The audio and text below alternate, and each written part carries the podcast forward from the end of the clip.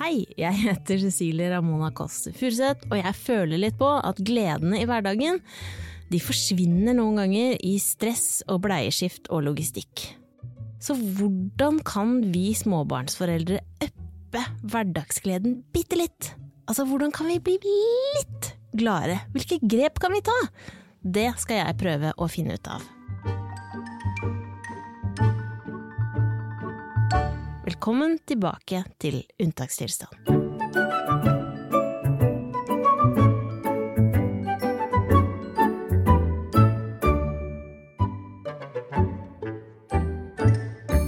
I dag, dere, så har jeg henta inn ypperstepresten av Lykke.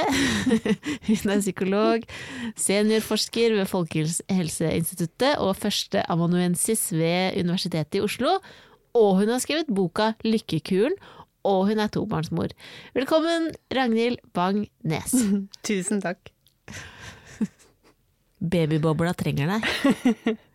Vi gjør det. Men før vi begynner, hva er det du egentlig forsker på? Jeg pleier å si livskvalitet, Mm. eh, men jeg blir nok ofte kalt lykkeforsker. Eh, Jeg liker jo å bruke livskvalitet, for jeg tenker at et, eh, et godt liv handler om veldig mange ulike ting, da. Mm. Et rikt liv, kanskje. Um, Mens med lykke så har vi vel en tendens til å tenke, mange av oss i hvert fall, på disse sånn kortvarige, intense, euforiske øyeblikkene. Selv om noen også ser lykken som en mer sånn dyp, vedvarende glede, da. Eh, Men i på en måte folkehelsearbeid og politikken og forvaltningen, som jeg jobber mye med, så bruker vi ordet livskvalitet. Og jobber med å eh, både kartlegge hvordan det står til i befolkningen, og hvilke risikofaktorer eller hva er det som påvirker eh, livskvaliteten eller lykken, og hva kan vi gjøre for å tilrettelegge for at folk flest skal ha gode, bærekraftige liv som de, de sant, syns er verdifulle og, og bra. Ok, så da øh, må jeg Den livskvaliteten, er det sånn at Jeg har hørt, skjønner du, at foreldre med barn mellom null til to år, de er de mest ulykkelige folka vi har. Stemmer det? Vi har en del folk som er eh, mindre lykkelige, faktisk. Vi har det. Særlig folk som lever med helseproblemer, og som er ikke integrert i jobb eller familie, ikke sant. Og, og mange av de unge. Um, Men det er en fase. Vi har jo den store norske mor og barn-databasen, som følger, um, følger 114 000 svangerskap, faktisk. Fra graviditet. Og nå begynner jo de eldste barna å bli voksne. Um, og der har vi jo sett at, um, at um, livskvaliteten synker litt. Det gjør det.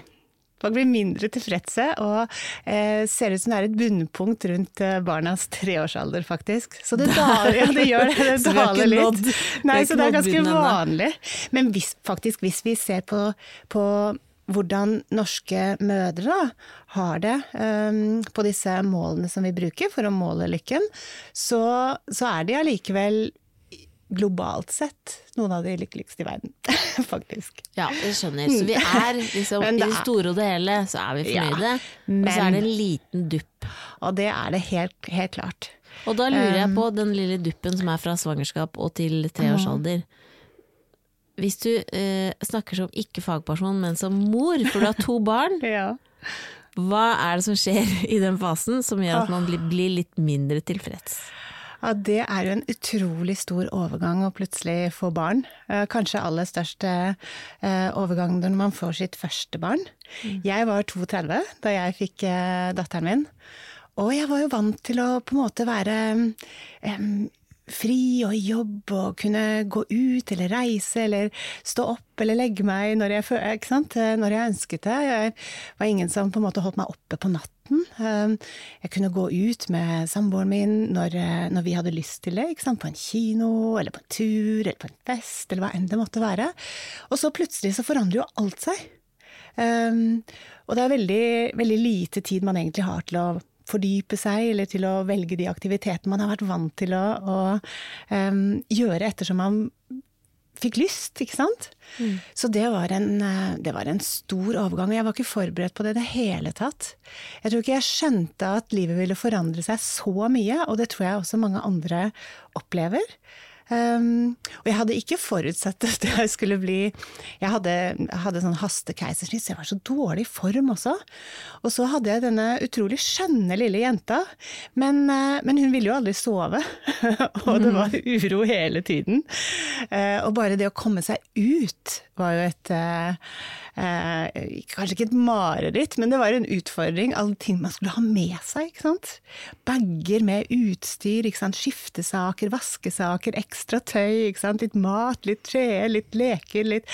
Nei, så det var eh, Det syns jeg var veldig vanskelig. Og jeg tror nok mange sliter ganske mye med, med søvn, ikke sant. At han ikke får hentet seg nok inn, så man blir så sliten. Mm. Men fikk du en liten sånn For jeg fikk en liten mini identitetskrise. Mm. Fordi jeg huska ikke Jeg skjønte ikke helt hvem er det jeg er nå. Mm. Jeg føler jeg hadde mm. mista hele gamle meg selv. Mm. Det var bare ja. forsvunnet. Uh, ja. Og nå er jeg bare en sliten type, selv om mm. det er helt fantastisk. Mm. Det er et helt fantastisk vesen du, har, eh, du skal ta ansvar for, men du har liksom mista deg sjøl. Ja, jeg opplevde nok absolutt det samme. Mm. Man fikk noe, så var det noe som ble tapt og ble borte. Og jeg husker jo veldig godt jeg så samboeren min rusle av gårde til jobben på morgenen og tenkte åh. Mm. Åh, jeg hadde en liten sånn misunnelse nesten. Jeg klarte ikke da å tenke på oi, så fint å ha et litt annerledes liv nå, ikke sant. Og det at jeg ikke må haste av gårde, ikke sant. Inn på et overfylt tog, ikke sant. Ut i dårlig vær. Eh, men jeg kjente på den jeg hadde, Altså min identitet var så koblet opp mot det livet jeg hadde hatt da, inntil jeg fikk barn, som handlet mye om, eh, om jobb og, og faglige interesser videre, ikke sant.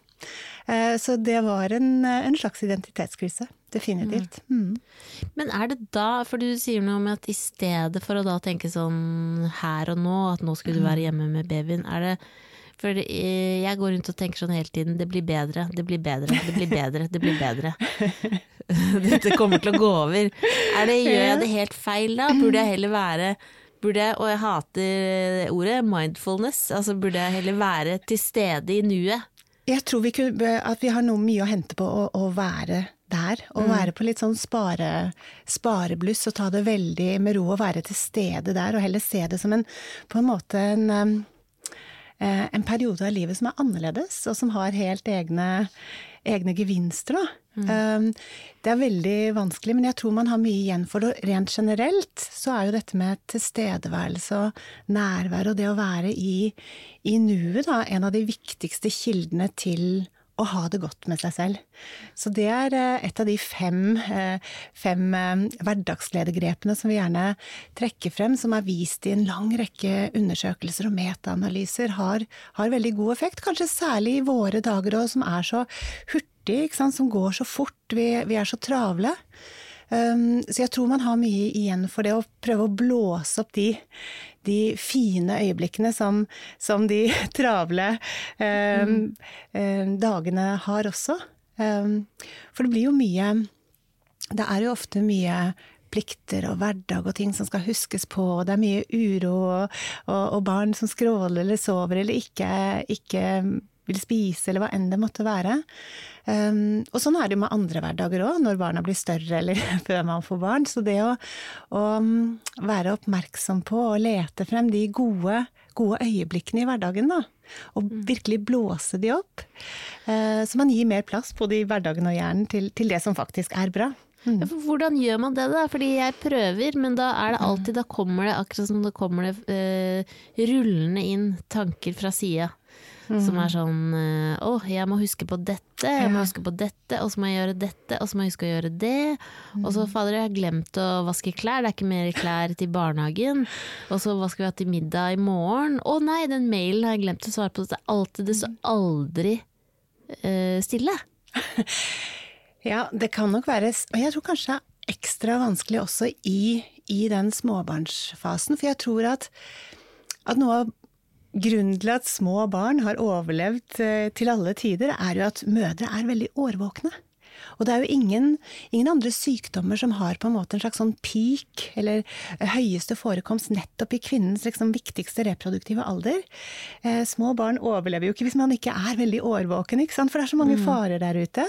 Så jeg tror vi er på en måte særlig, på, eh, særlig årvåkne, rett og slett, i, i, den eh, perioden. Og da blir det så lett å overveldes av alle de tingene som vi ikke har klart å, å, å få gjort. Men ikke des, altså, desto viktigere blir det på en måte å, å likevel prøve å fokusere på det man faktisk får til. Og noen ganger kan det jo kanskje være fint å sette på litt eh, musikk, gå en tur, ta en bitte liten timeout. Um, for det er noe med å å skape seg rom- og ladestasjoner og, og, og et lite, liten avstand til alle de, de tankene som overveldes, som egentlig er ganske trivielle. Veldig trivielle. Ekstremt trivielle. Men føles så viktig. ja, ja, Jeg husker også at jeg har aldri vært spesielt flink til å re opp senger og sånt noe, men i, den, eh, i min svangerskapspermisjon så begynte jeg å legge til meg sånne klassiske husmoraktiviteter. Nesten som jeg returnerte til 50-tallet, på en måte. Og jeg var ikke så flink til å, å sove når barna sov.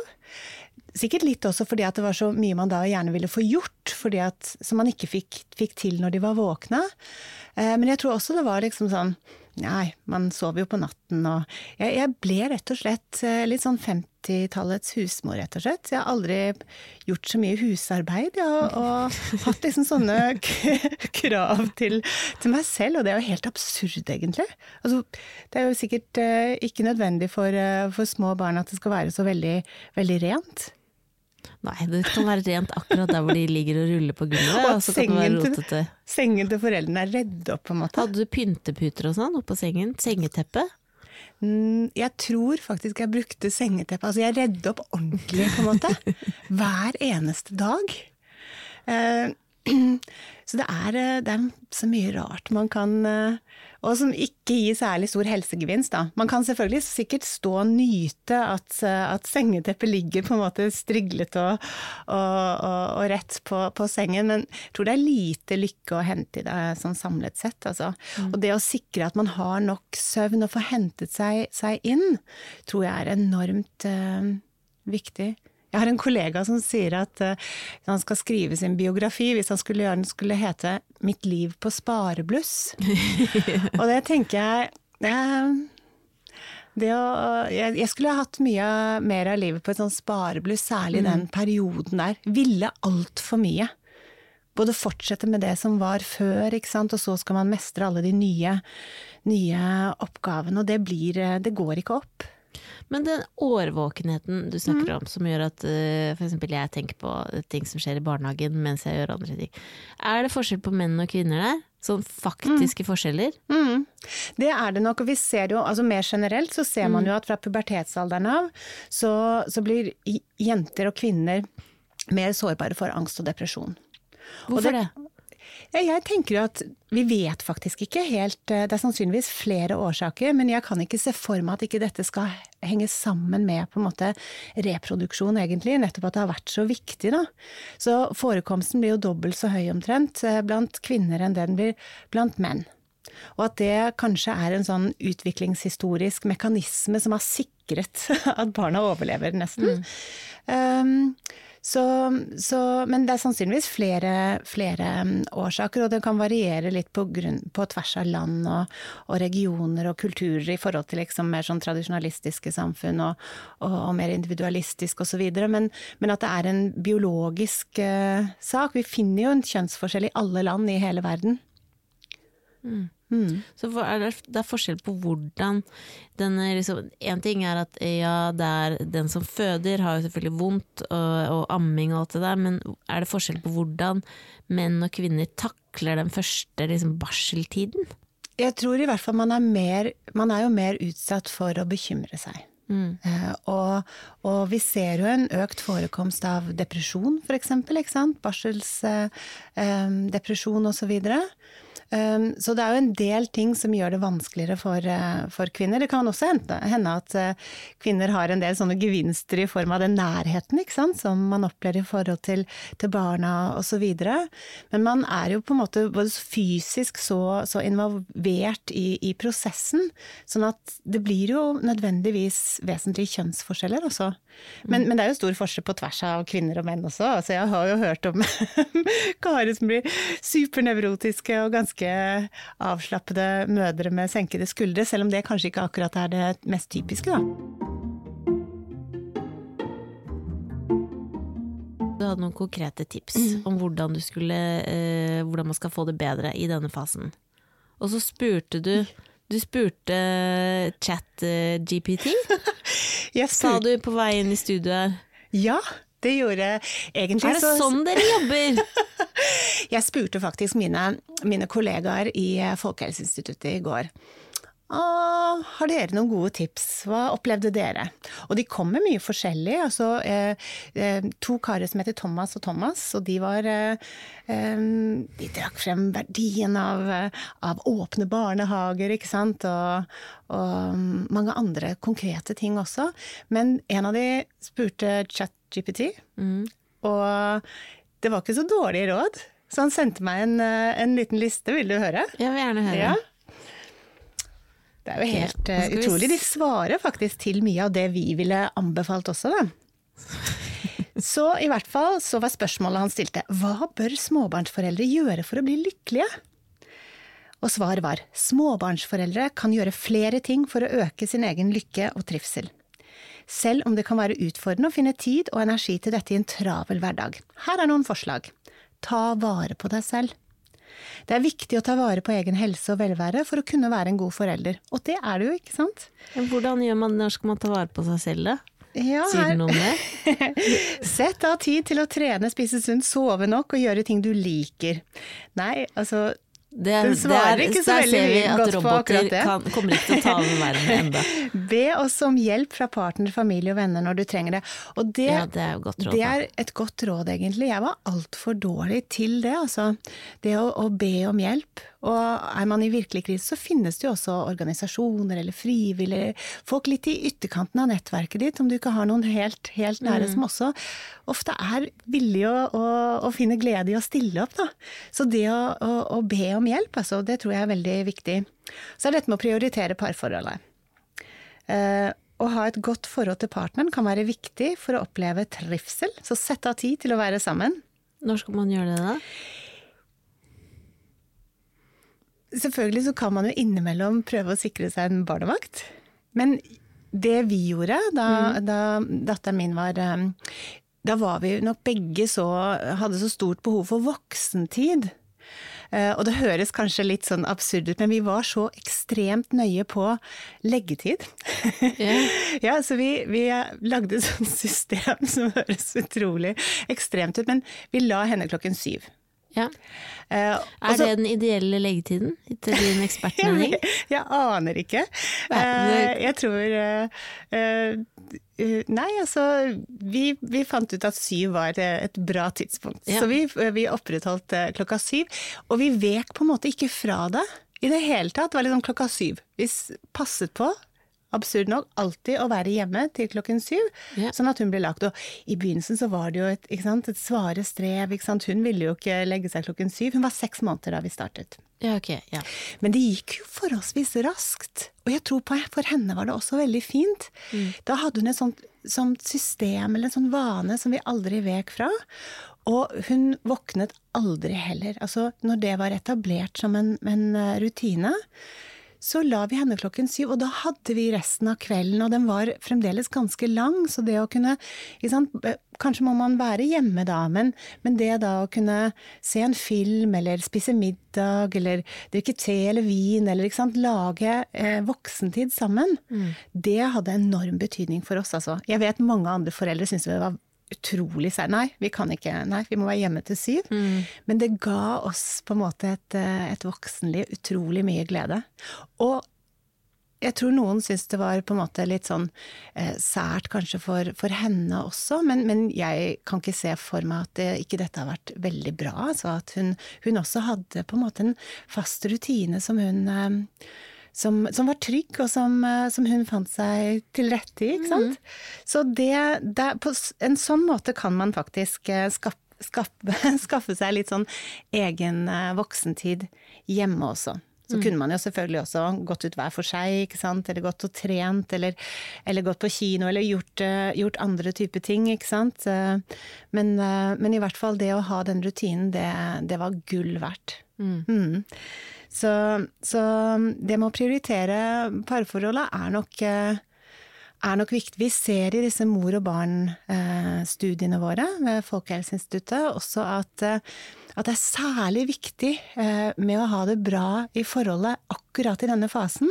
Altså, generelt er jo det å ha et godt forhold til partner og sant, gode relasjoner viktig, men, men vi ser at akkurat akkurat i denne fasen fra, fra barnet blir født og så til fremover mot treårsalderen, eh, er det særlig viktig. Det betyr mye for den totale livskvaliteten, da. Er det ikke mer vanlig med brudd også i småbarnsfasen? Jeg har ikke helt sett statistikken på det, men jeg tror nok det er mange som, som går fra hverandre. Mm. For det er jo så belastende, altså. Mm. Man hadde kanskje hatt god nytte av kanskje et veldig fint eh, lykkebringende eh, folkehelsetiltak å gi foreldre eh, litt kursing, yeah. rett og slett, i, i, å ivareta hverandre og, um, å være både rause og, og, prioritere forholdet på en måte som, som, som trygger deg. Mm. Mm. Så, så, der var ikke chat GPT så aller, aller verst.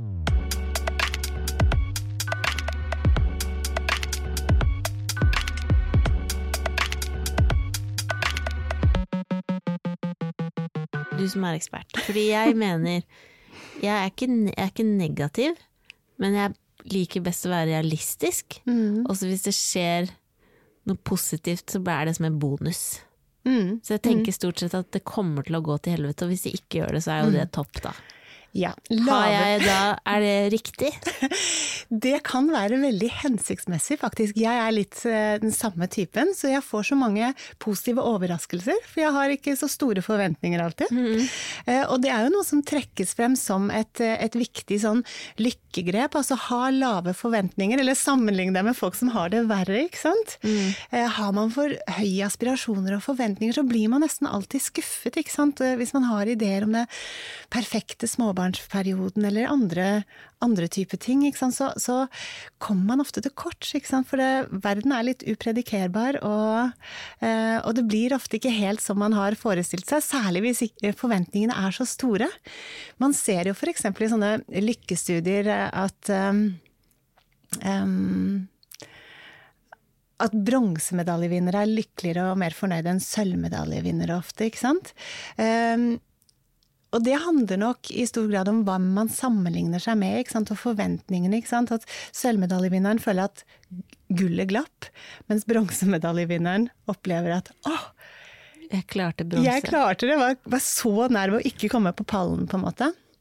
Så, så, dette med forventninger og hvordan vi tenker og hvem vi sammenligner oss med, eller, eller, hva i vårt tidligere liv vi sammenligner oss med, eller Det har veldig mye å si. Altså hvor glad og lykkelig vi er, henger jo sammen med, med de aspirasjonene vi har. Så hvordan kan man forsone seg med dette nye livet da, som kanskje ikke ble akkurat som forventet, eller bare det at nå er alt helt nytt? Jeg er en ny person. Hvordan kan man forsone seg med det og liksom akseptere situasjonen? Jeg tenker at det er um det å være til stede i det livet, og i hvert fall sikre at man ikke har altfor mange andre belastninger og stressfaktorer, ikke sant, og, og gå i veldig sakte tempo, er, er, viktig. Og så er det jo noe med det å, å være god til å å lete frem og, og, blåse opp, som vi snakket om i dag, de, de øyeblikkene som er, er fine. Um, sånn at det ikke blir en sånn overvekt av det som er utfordrende og vanskelig. Da. Uh, for alt vi gjør, det endrer jo på en måte mm. hverdagen og, og hjernen. Og, og, dess mer vi gjør av det, dess, dess, bedre utgangspunkt har vi for å ha det bra. Og så tror jeg at det er noe med å skatte de bitte små tingene, ikke sant. Uh, det ble publisert en liste over liksom, de 50 viktigste kildene til, til lykke i en uh, britisk undersøkelse for noen år siden. Og øverst på den, den listen så var det å legge seg helt rent nystrøket sengetøy. Men strøket? Ja, kanskje, kanskje briter er litt spesielle. Men man kan jo sikkert ha sånn strykefrie sengetøy. Ja. Og så var det eh, nest øverst var dette med å kjenne solen varme i ansiktet. Um, Poenget er vel kanskje særlig dette med at det er de små hverdagslige tingene, og det å gi de oppmerksomhet og fokus. Mm. I, I lykkeforskningen så snakker man ofte om at sant, et av de tiltakene som har vist aller best effekt, handler om å hver dag kanskje på slutten av dagen, gjøre det til en vane, akkurat som man pusser tenner eller, eller uh, tar på seg pysjamas eller liksom, andre ritualer. Tenke gjennom uh, tre ting som gikk bra den dagen. Uh, og de kan være helt bitte små ting som lukten av nytrukket kaffe, eller, eller uh, den lille som sover mm. og puster så fint, ikke sant, eller, eller uh, en fin soloppgang, eller musikk man hørte, ikke sant. Små ting, og, og gi det mer plass, da. For det er så lett at de uh, øyeblikkene forsvinner i det strømmen av hverdagslig kaos og bekymringer og mas. Um, så, så, det å passe på å hente seg inn med om så er små, små øyeblikk, um, det har man sett har effekt over lang tid.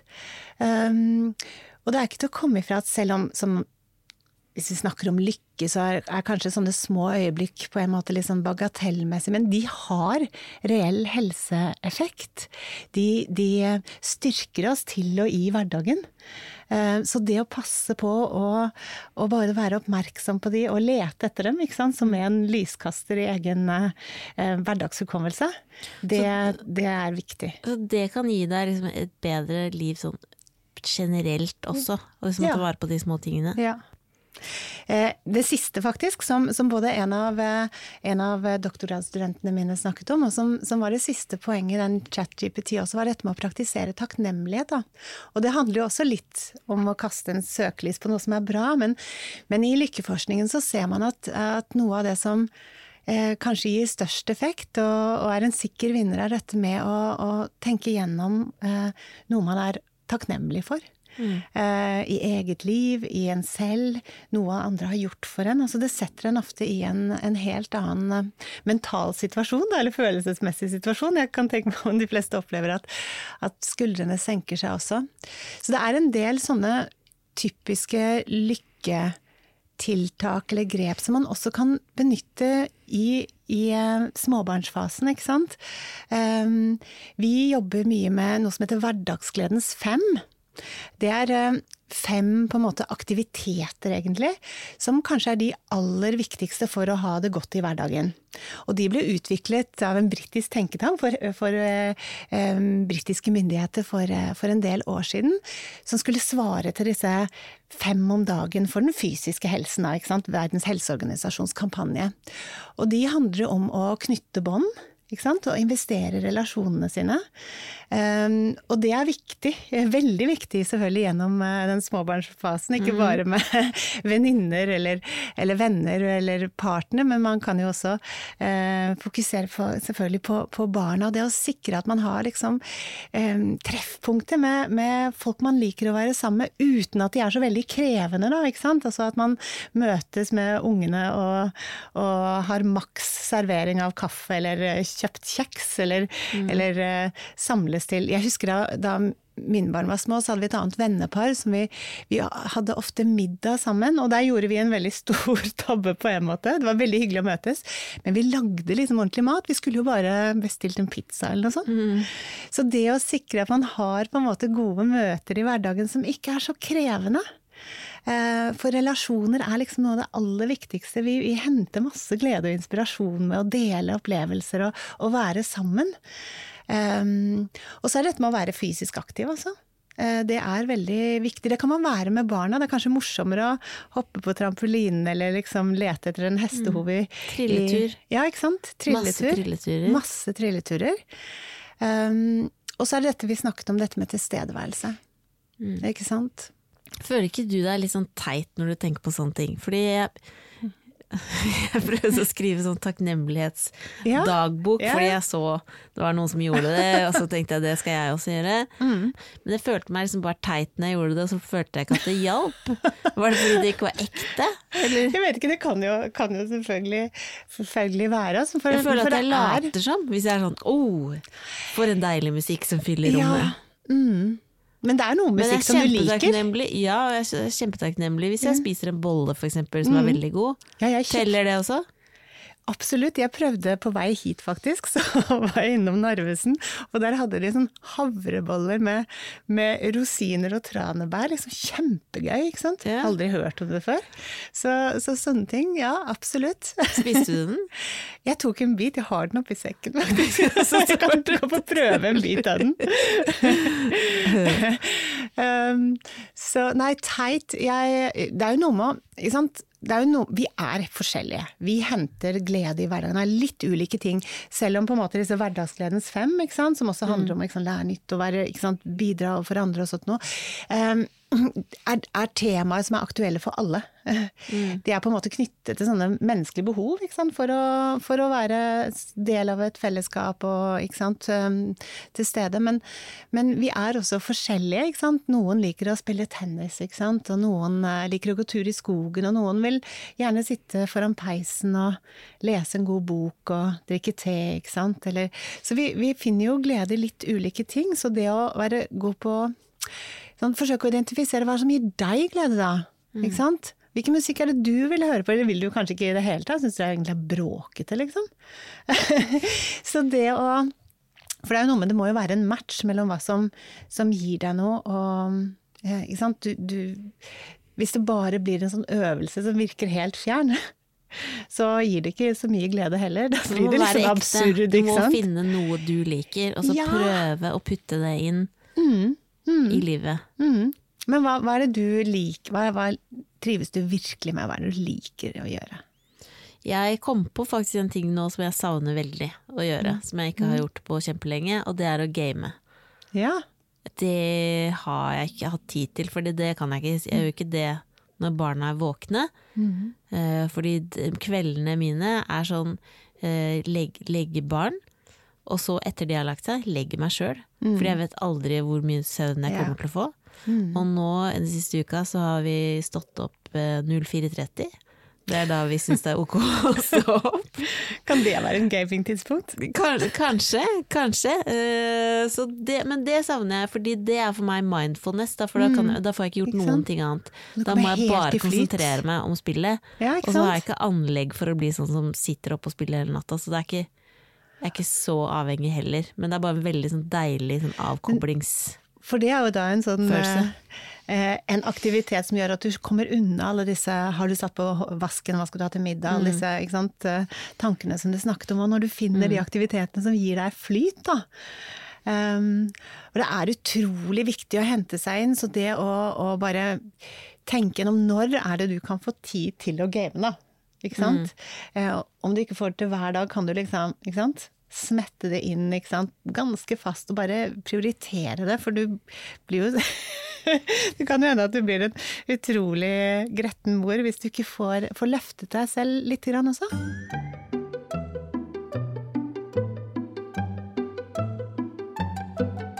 Du har to barn, mm. og så du, du har du vært aleneforelder mm, I ganske mange år. Ganske mange år. Mm. Hvordan i all verden gjør man det? Det tenker jeg på ofte. Ja, nei, det er jo veldig Det er jo tøft, og vi ser faktisk på statistikken i Norge òg at aleneforeldre har, har dårligere livskvalitet, dårligere råd. Mm. 70% tror jeg, etter man er i arbeid igjen, da, eh, opplever at de ukentlig er både utmatta, både psykisk og fysisk og sånn. Eh, så det, det, det, er jo eh, Men man kan jo også leve i eh, parforhold eller uh, i familie hvor uh, hvor um, man ikke har så mye støtte også. Så, så, det er vel ikke akkurat det sånt Det kan være vanskelig å, å være, i, være, to også. Mm. Um, men, men, det er jo helt klart at man må legge opp livet eksempel, jeg, jeg hadde Mine foreldre døde tidlig, jeg har, og jeg har ikke hatt noe sånn familie eller sånn støttesystem rundt. Så jeg har jo blitt veldig avhengig av mitt hjem, på en måte, og, og heller invitere folk hjem til meg, ikke sant, med lavterskeltilbud, ikke sant. Mm. Fjorårets pepperkake, liksom, og, og, et glass vann, eller det å, å, å um, Det har ikke vært så innmari mye sånn sprell med um, farting i hverdagen, for å si det sånn. Men um, men det å, å, lage hjemmet til en hvert fall sånn base hvor, eh, hvor, det er enkelt å ha barn, da.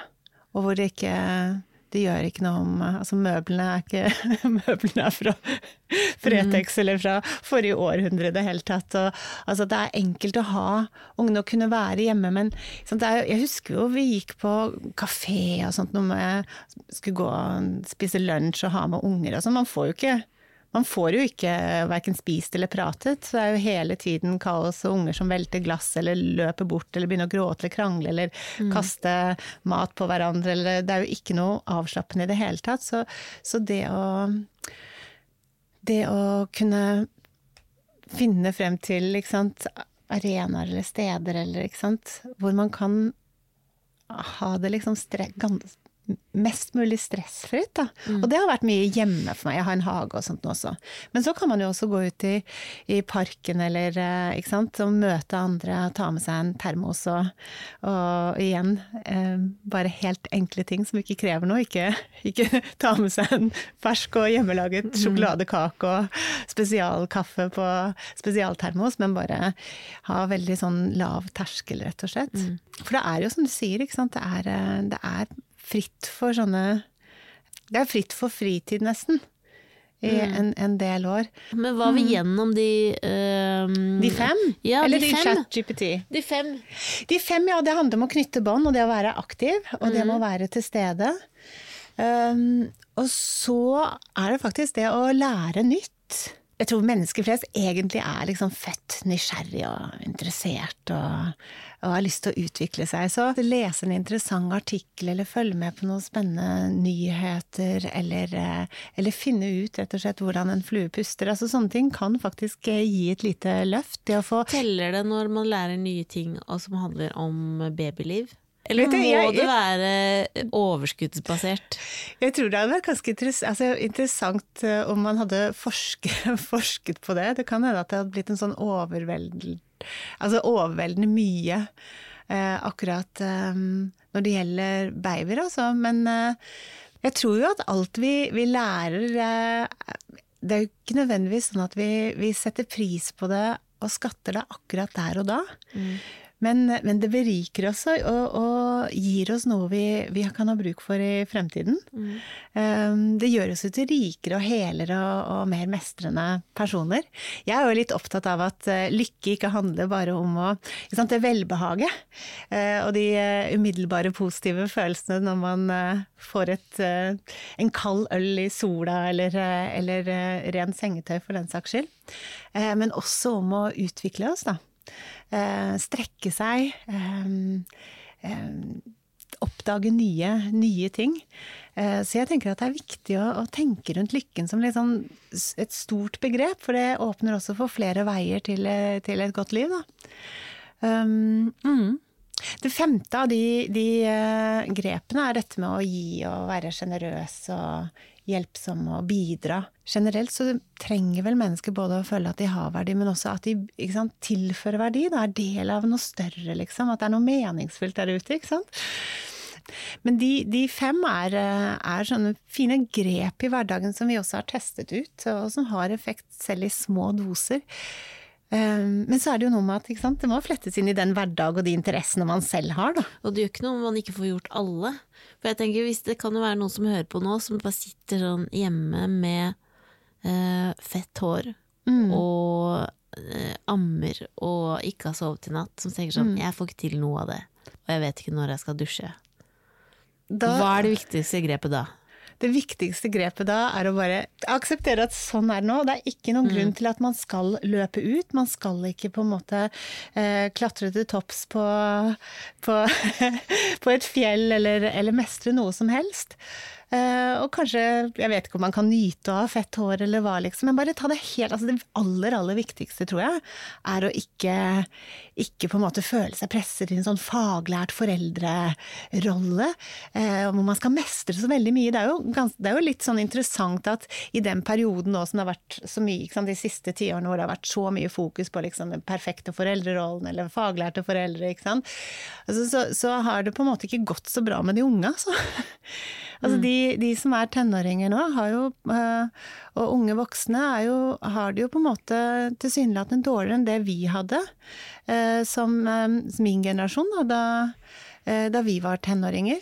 Så det å ikke på en måte Ikke føle at man skal prestere så mye. Mm. Altså, det er helt greit å være ufiks. Det er helt greit å ha bena på bordet, skru på TV-en eller, eller en podkast, ikke sant, og gjøre noe helt annet. Um, det der med å, å prøve å, å, unngå å føle at man må prestere så mye. Man må ikke på trilletur. Absolutt ikke. Det kan nok løfte dagen litt, løfte. men det er ikke sånn at vi må gjøre det alltid. Så det er noe med å finne den balansen, for det er noe med å Vi må ha ladestasjoner. Både med fett hår og, og slitne skuldre, ikke sant. Så, så det å bare sitte i stolen og, Og jeg amme unner, og, alle, jeg unner alle å få tatt seg en dusj. ja. Tenk at det skulle bli så vanskelig. Men når man da får tatt den, så kan Så det hende at, at man Altså at den er bare så mye mer eh, lykkeinduserende, da. Det er så deilig. Men jeg husker, eh, husker akkurat det med dusjen selv, altså. Og jeg hadde en sånn samboer som ikke var helt sånn Var ikke så klar for å, å, å håndtere skrikende barn og sånn. Så jeg husker det var en sånn typisk Jeg kom en, inn i den dusjen, og så bare sånn banket på uh, baderomsdøra. Dunk, dunk. Babyen skriker, liksom. Ja, det, det. Og så dusj, dusja du ferdig da, eller gikk du ut? jeg tror jeg gjorde begge deler. Ja. Og det går jo stort sett bra. Det gjør det. Og, og det går bra selv om man ikke er så perfekt som, det, som man tenker at man må være i forhold til, eh, til oppskriften på dagens eh, foreldrerolle. Ikke sant? Det gjør jo det. Folk har overlevd og, og levd gode, lange liv, eh, ganske uavhengig av om de har vokst opp i en, eh, i en um, litt støvete enebolig eller uh, i, et, eh, i en jordgamme for den saks skyld, ikke sant.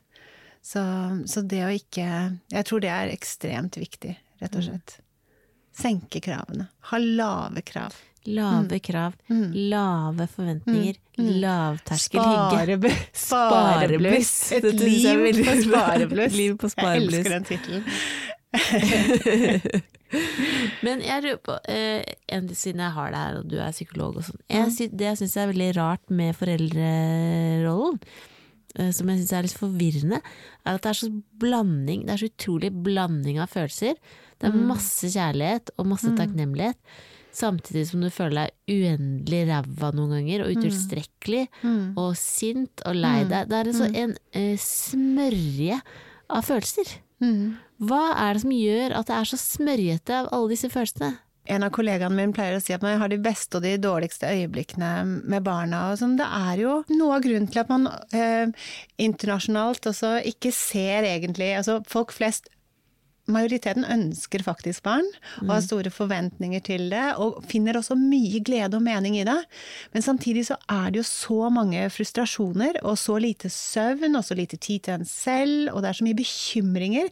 Så det utligner hverandre, altså gledene og, ehm, og belastningene. Så, så man ser jo ingen økt tilfredshet, snarere eh, lavere tilfredshet i mange land når man får barn. Men det vil jo ikke si at det ikke er utrolig mye fantastiske øyeblikk, og meningsfulle.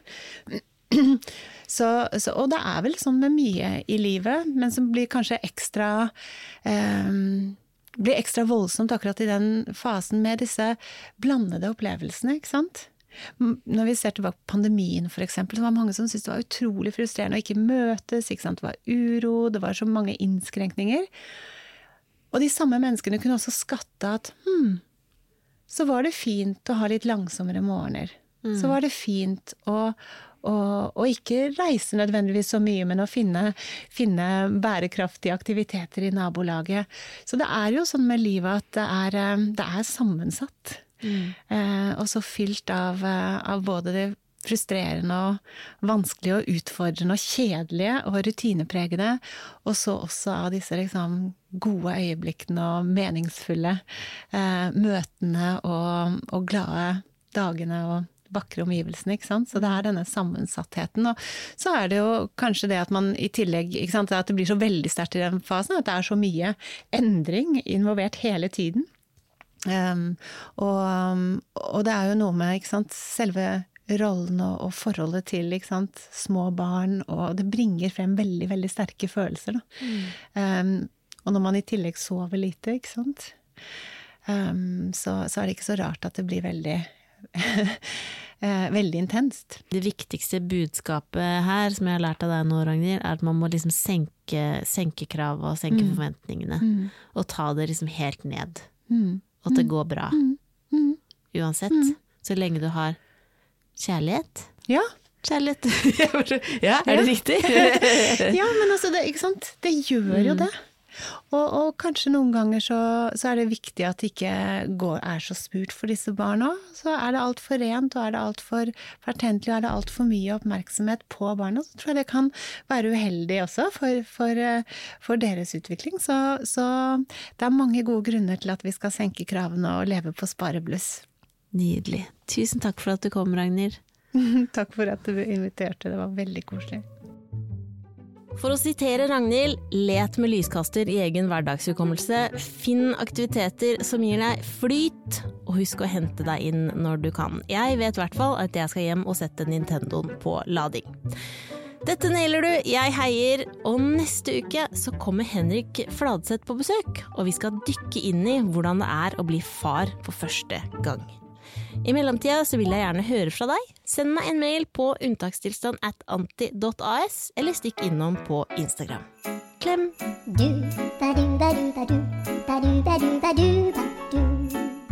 Unntakstilstand er produsert av Anti for Podimo.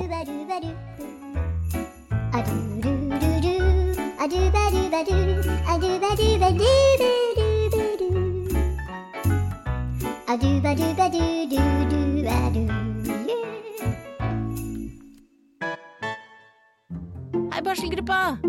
Har dere blitt mer eller mindre lykkelig etter at dere fikk barn? Mye mer. Altså, mer? Mer sånne, sånn, små lykker i løpet av dagen. Altså bare sånn, du ser på ungen og bare wow. Mm. Ja. Jeg tror det er viktig å påpeke at det er jo ikke sånn at man, eller jeg opplever ikke sånn at man går rundt på en sånn rosa sky og bare ah, er lykkelig hele tiden. Men det er de der glimtene ja. hvor du plutselig bare tar deg selv i å sitte og råglise mm. av et eller annet. Eller de er oftere. Mm. Ja. Det føles veldig meningsfylt. Tusen takk, barselgruppe.